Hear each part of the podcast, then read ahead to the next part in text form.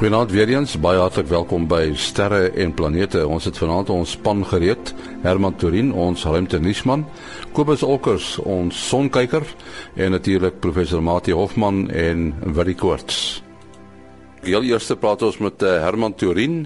Hy is uh, ons ruimtenisman. Ja, gister of baie onlangs het die goeie nuus nou gebreek dat mense kan aansoek doen vir die reis Mars toe Dis nou 'n eenrigting kaartjie en ehm um, die maatskappy is Mars One en ongeveer 'n uur na die aansoeke geopen het, was daar al so by die 10000 aansoekers. Nou die eerste reis word vir 2023 beplan en die tweede reis dan so vir 2025. Nou die nuus wat ek dink nou meer ernstig is, Die week na die afgestorwe eystervrou Margaret Thatcher finaal gegroet is, het die aarde deur die rommelspoor van die Thatcher komeet beweeg. Nou die komeet veroorsaak nou vir 2600 jaar 'n spoor wat as die aarde daardeur gaan, die jaarlikse Lyride meteoreën veroorsaak. Nou Thatcher beweeg self elke 415 jaar om die son. Nou die verskynsel het sy naam gekry omdat dit lyk of meteore deur die Lyra konstellasie uitgestraal word. Die hoogtepunt was op 21 April en vroeg 22 April. Nou die komeet is in 1861 ontdek 'n week voor die Amerikaanse burgeroorlog en daar het toe nou baie bygelowe ontstaan oor die komeet wat nou 'n teken van slegte tye en so aan is, rampe wat se voorlê. Nou daai tyd het dit 100 grade van die hemelruim oorspan en kon bedags gesien word. Nou intussen is ook aangekondig dat 'n ster in hierdie selfde Lyra konstellasie, bekend as Kepler 62, oor twee planete effens groter as die aarde beskik en wat in die son se um, goue lokkie sone, soos so genoem die bewoonbare sone om die ster wentel. Hulle is sowat 1200 ligjare van die aarde af Nou terselfdertyd is aangekondig dat die Kepler ruimteteleskoop nog 'n eksoplaneet nie veel groter as die aarde nie en 'n ander ster so wat 2700 ligjare van ons af in daardie ster se goue lokkiesone gevind het.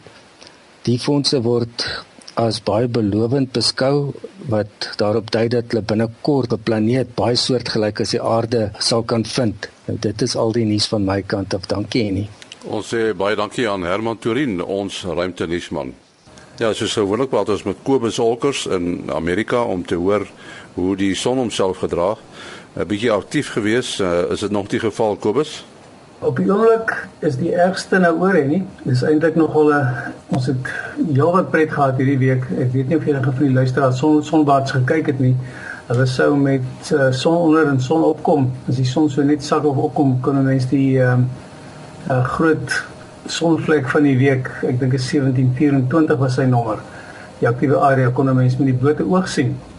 Ehm um, hy het 'n hele paar uh C-klas en M-klas splitse ehm um, losgelaat soos ons voorspel het. En maar hy is nou van die van die son se skuif af weggeroteer. Uh wat oorbly op die oomblik is net die oorblyfsels van 'n massiewe koronagat uh wat uh, op op die oomblik so omtrent net regs van die van die vertikaal sit op die son. Die heel groot een het ons bietjie gehad les op sy hier teen Woensdag Donderdag se koers. Uh die son dan dit op 'n stadium 700 km per sekonde bereik. En daar is nog 'n paar klein koronamassa uitbarstingies wat op pad is na die aarde. Toe so ons gaan nog uh magnetiese versteurings hê ek skat tot Woensdag se koers toe ten minste. Uh verder is daar vir die uh, vir die res van die week nie veel op pad nie. Tussen hakies hierdie 1724 was een van die ehm um, aktiewe areas wat sommer net spontaan begin groei het aan ons kant van die son. Hy het, het nie eers op die agterkant sy vir sy uh, verskyning gemaak nie. Die enigste ander een wat uh, effens 'n komplekse uh, konfigurasie het is is op die oomblik uh, nog nie geo-effektief nie, maar hy hy is ook al besig om gesekelas vloed self te skiet. Uh so die son is uiteindelik besig om sy maksimum te bereik. Goed koop as jou uh, besonderhede as mense met jou in verbinding wil tree. Mm, dis maar weer uh 083 uh 2648038 083 en SMS alleen asseblief. Baie dankie Kobus Olkers. Ons verwelkom uh, vir professor Mati Hofman van die Universiteit van die Vrystaat en die Boden Sterrewag en natuurlik vir Willie Koorts van die SAAO, die Suid-Afrikaanse Astronomiese Observatorium, soos gewoonlik hier by die program Sterre en Planete. Mati, uh, ek het nou die dag weer gekyk na ehm, 'n um, video insetsel oor die uh, die pendeltuie, 'n era wat nou verby is voorlopig. Ek het nou gewonder as die pendeltuie gelanseer word, bereik hulle ook 'n sekere snelheid, seker so by 100 km bo kan die aarde wanneer die atmosfeer uh, verdun.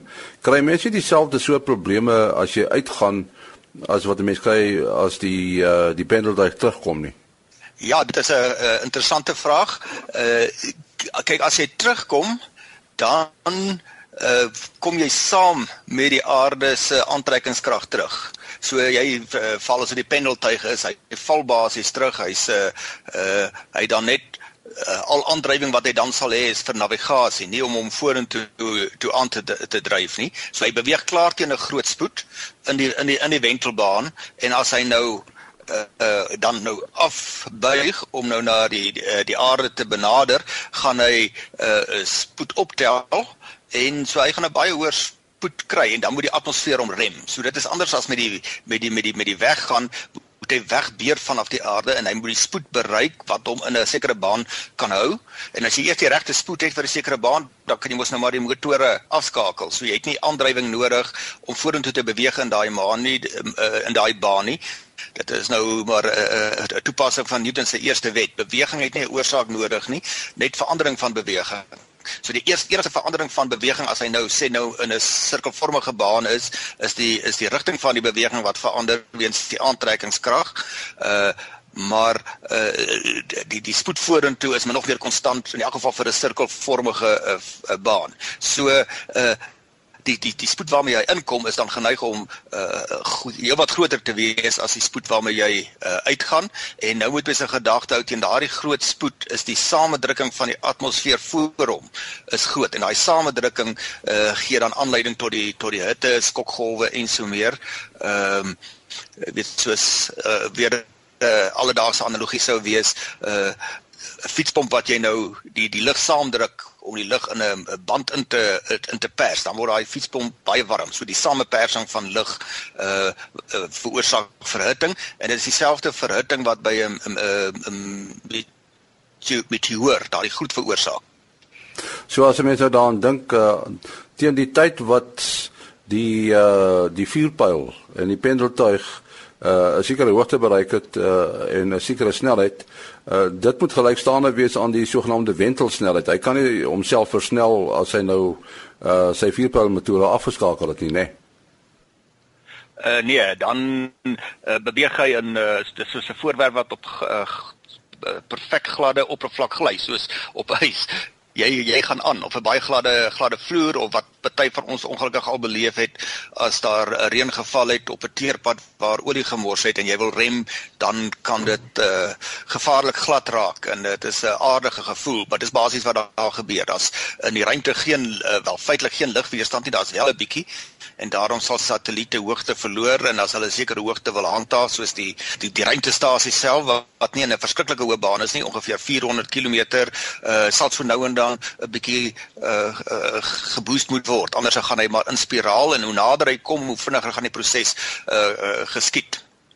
Ja, baie uh, dit wat Martin nou sê is vir my nou interessant want ek weet hoe die pendeltuie nog na die ruimtestasie gegaan het uh, het hulle die pendeltuie gebruik om die uh, internasionale ruimtestasie weer terug te stoot in 'n hoër baan.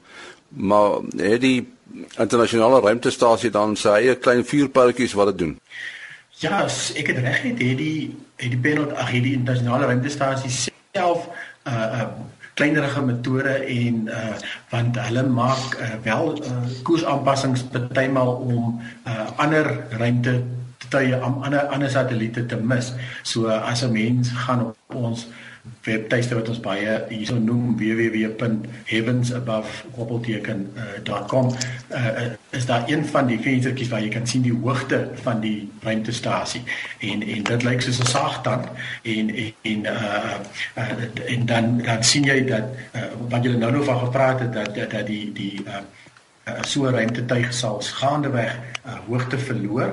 En en so dit wil sê dit gaan so 'n skuins aflyntjie wys op hierdie grafiek wat jy weet tot tyd teenoor hoogte en dan jy so skielike reguit op net soos 'n saagtand wat wat wat, dan sy snyvlak is en dit is natuurlik wanneer hulle sy hoogte opgevat het en dan kry jy weer hierdie hierdie saagtand uh, skuins af en dan maar jy sal nou dan oplet dat as daar 'n reguit af ook en en dis natuurlik wanneer hulle uh, baie maal van hierdie metode moet vier om om skielik hoogte te verloor uh, om om dan of as ek nou hoogte praat praat nou nie van kilometers nie dis net 'n uh, seker tiene van meters of miskien 100 meter om om dan uh, ander satelliete te vermy.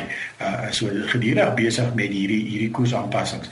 Um, Maar destyds met die penaltuig het jy natuurlik geweldige groot motore hier. Dis nou soos die soos die ou spreekwoordelik sê om om 'n vlieg met 'n met 'n voorhamer dood te slaan. So jy jy het hier jy het hier baie energie wat tot jou beskikking en en ehm um, so dis natuurlik altyd ingebou in die program om dan ook die ruimtestasie se hoogte te lig wanneer die penaltuig altyd daar aangekom het. Nou natuurlik deesdae doen hulle dit nou met uh, die Soyuz, die, die Russiese uh um, noem dit nou maar absoluut nie dis nou glad glad nie 'n pendeltuig nie maar net 'n net 'n of 'n vrag is 'n kapsule of, of wat 'n kapsule dis reg ja. En hulle kan dan of vrag of personeel vervoer en uh um en uh, maar da, dan het jy ook 'n bietjie ekstra uh, brandstof tot jou beskikking. En natuurlik nou die SpaceX uh, wat nou onlangs hulle tweede dink ek um uh, koppeling gedoen het aan die ruimtestasie.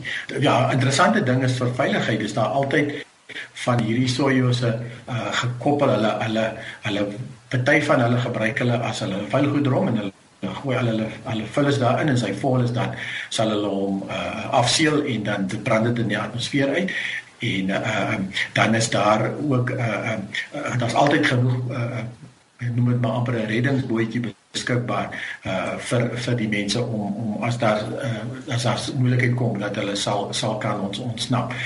So uh, dan het jy natuurlik hierdie ekstra uh, stuurkrag en en dan ook 'n uh, brandstof tot jou beskikking. Mate ons ons praat nou oor uh, oor vuurpyle, kapsules en uh, dan die internasionale ruimtestasie.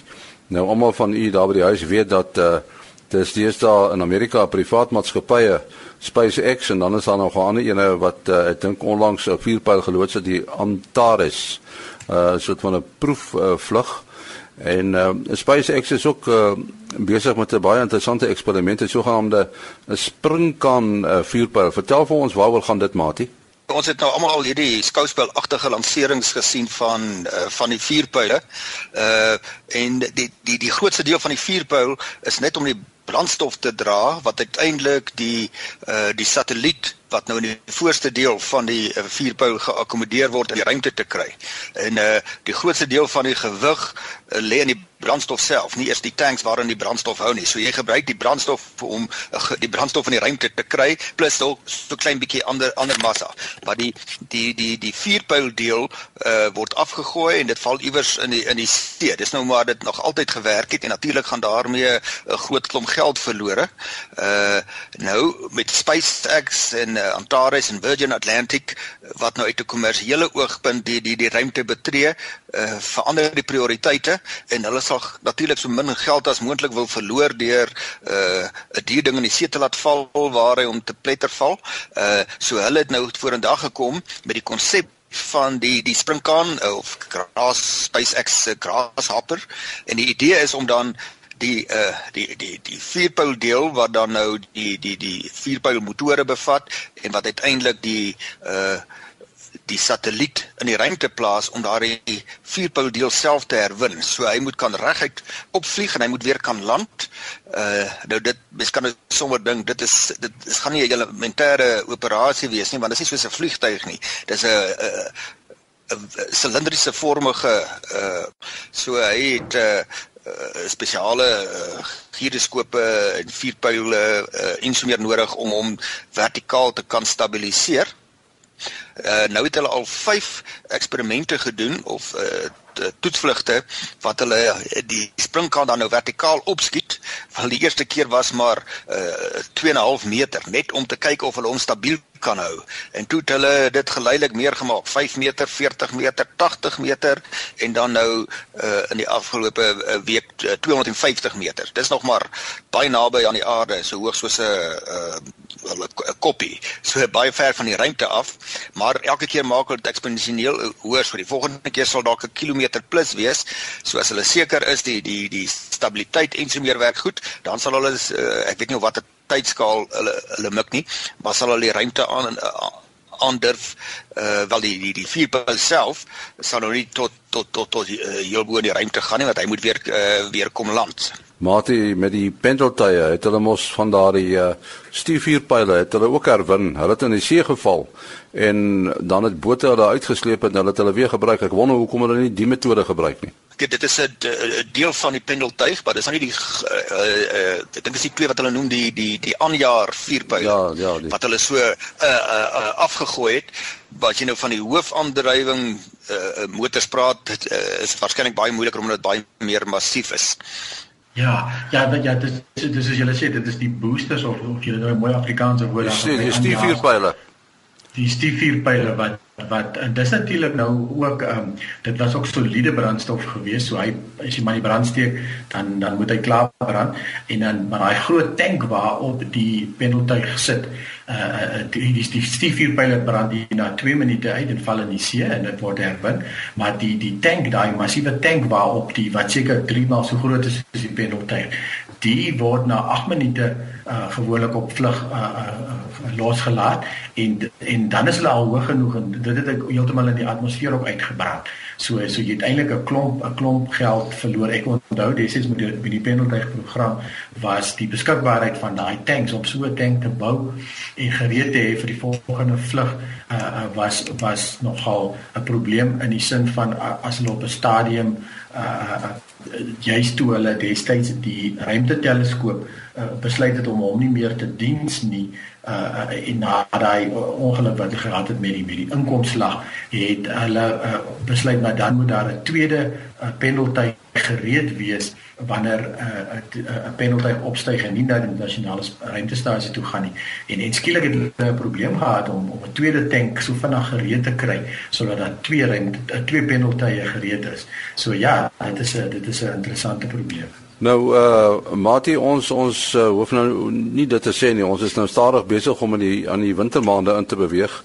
En as jy mens nou uh, sterre wil kyk, hoor mense dikwels die ouens sê vir jou die wintermaande is eintlik beter as die somermaande.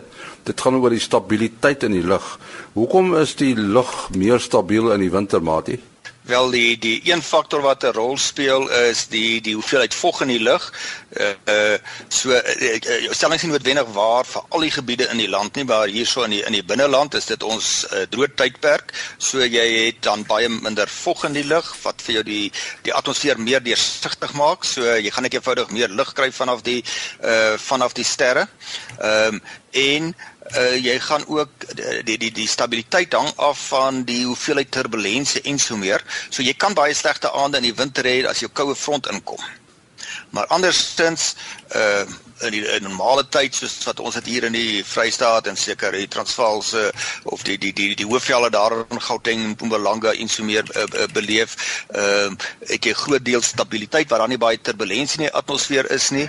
Ehm um, uh, dit gee vir jou dan 'n uh, baie skerper sterbeeld is deurdat die ster se beeld nie so rondspring nie. In in 'n klein teleskoopie en as jy 'n groot teleskoop kyk dan kyk hy deur 'n groter uh, volume lig of kolom uh, atmosfeer voor hom.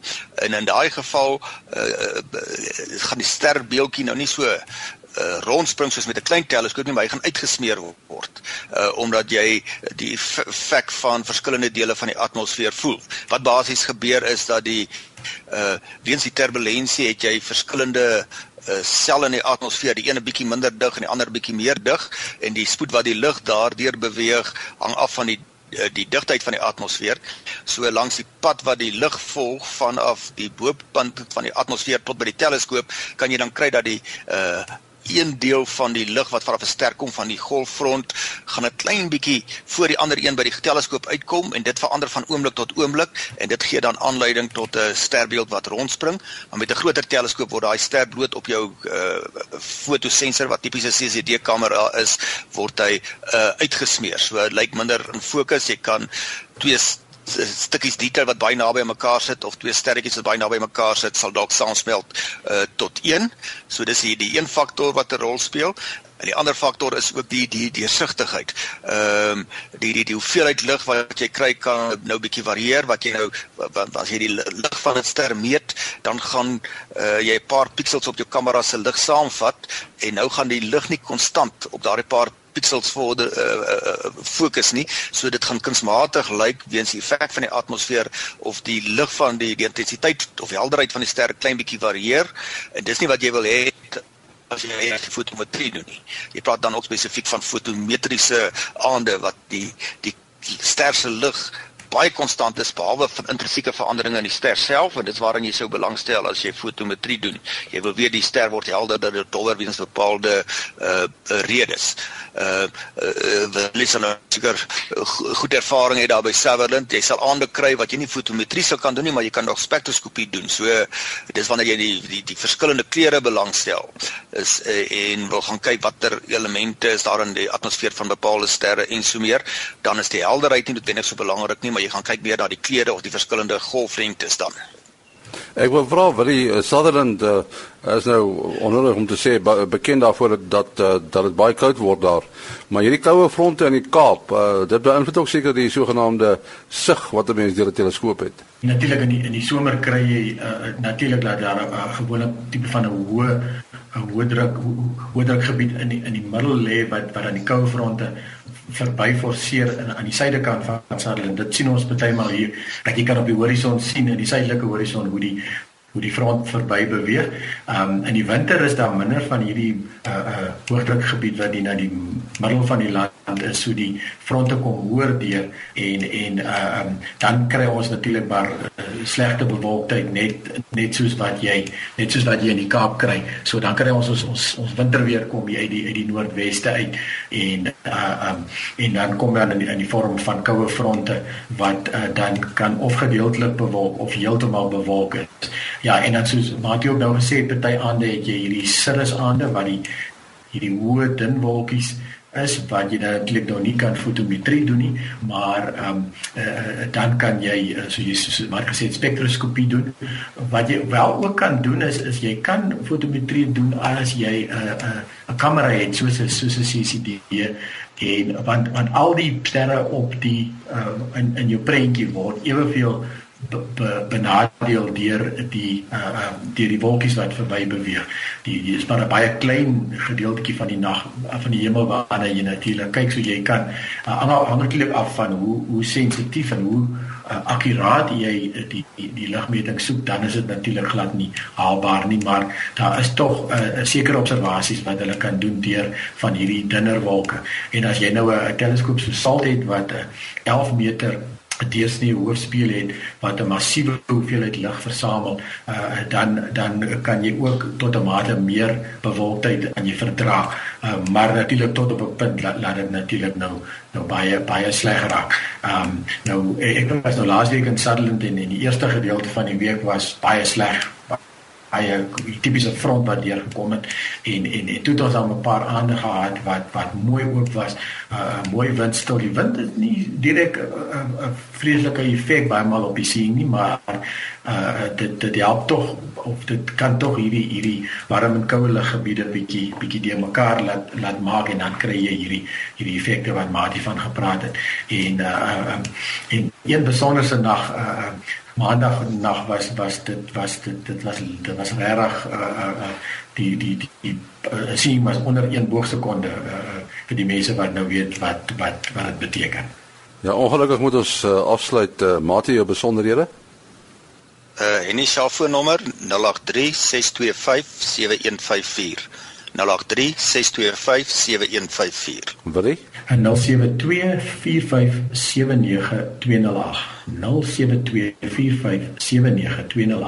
Wat is? 072 4579208. 072 4579208. En onthou om te gaan kyk op Facebook by RSG Sterre en Planete. Uh dan kan jy alles bekyk die aktiwiteite van die uh die sterre en planete, noem dit net maar lede wat ingeskryf is op uh hierdie Facebook uh, sub bladsy. My besonderhede maas.henny@gmail.com. maas.henny@gmail.com. Tot 'n volgende keer. Mooi loop.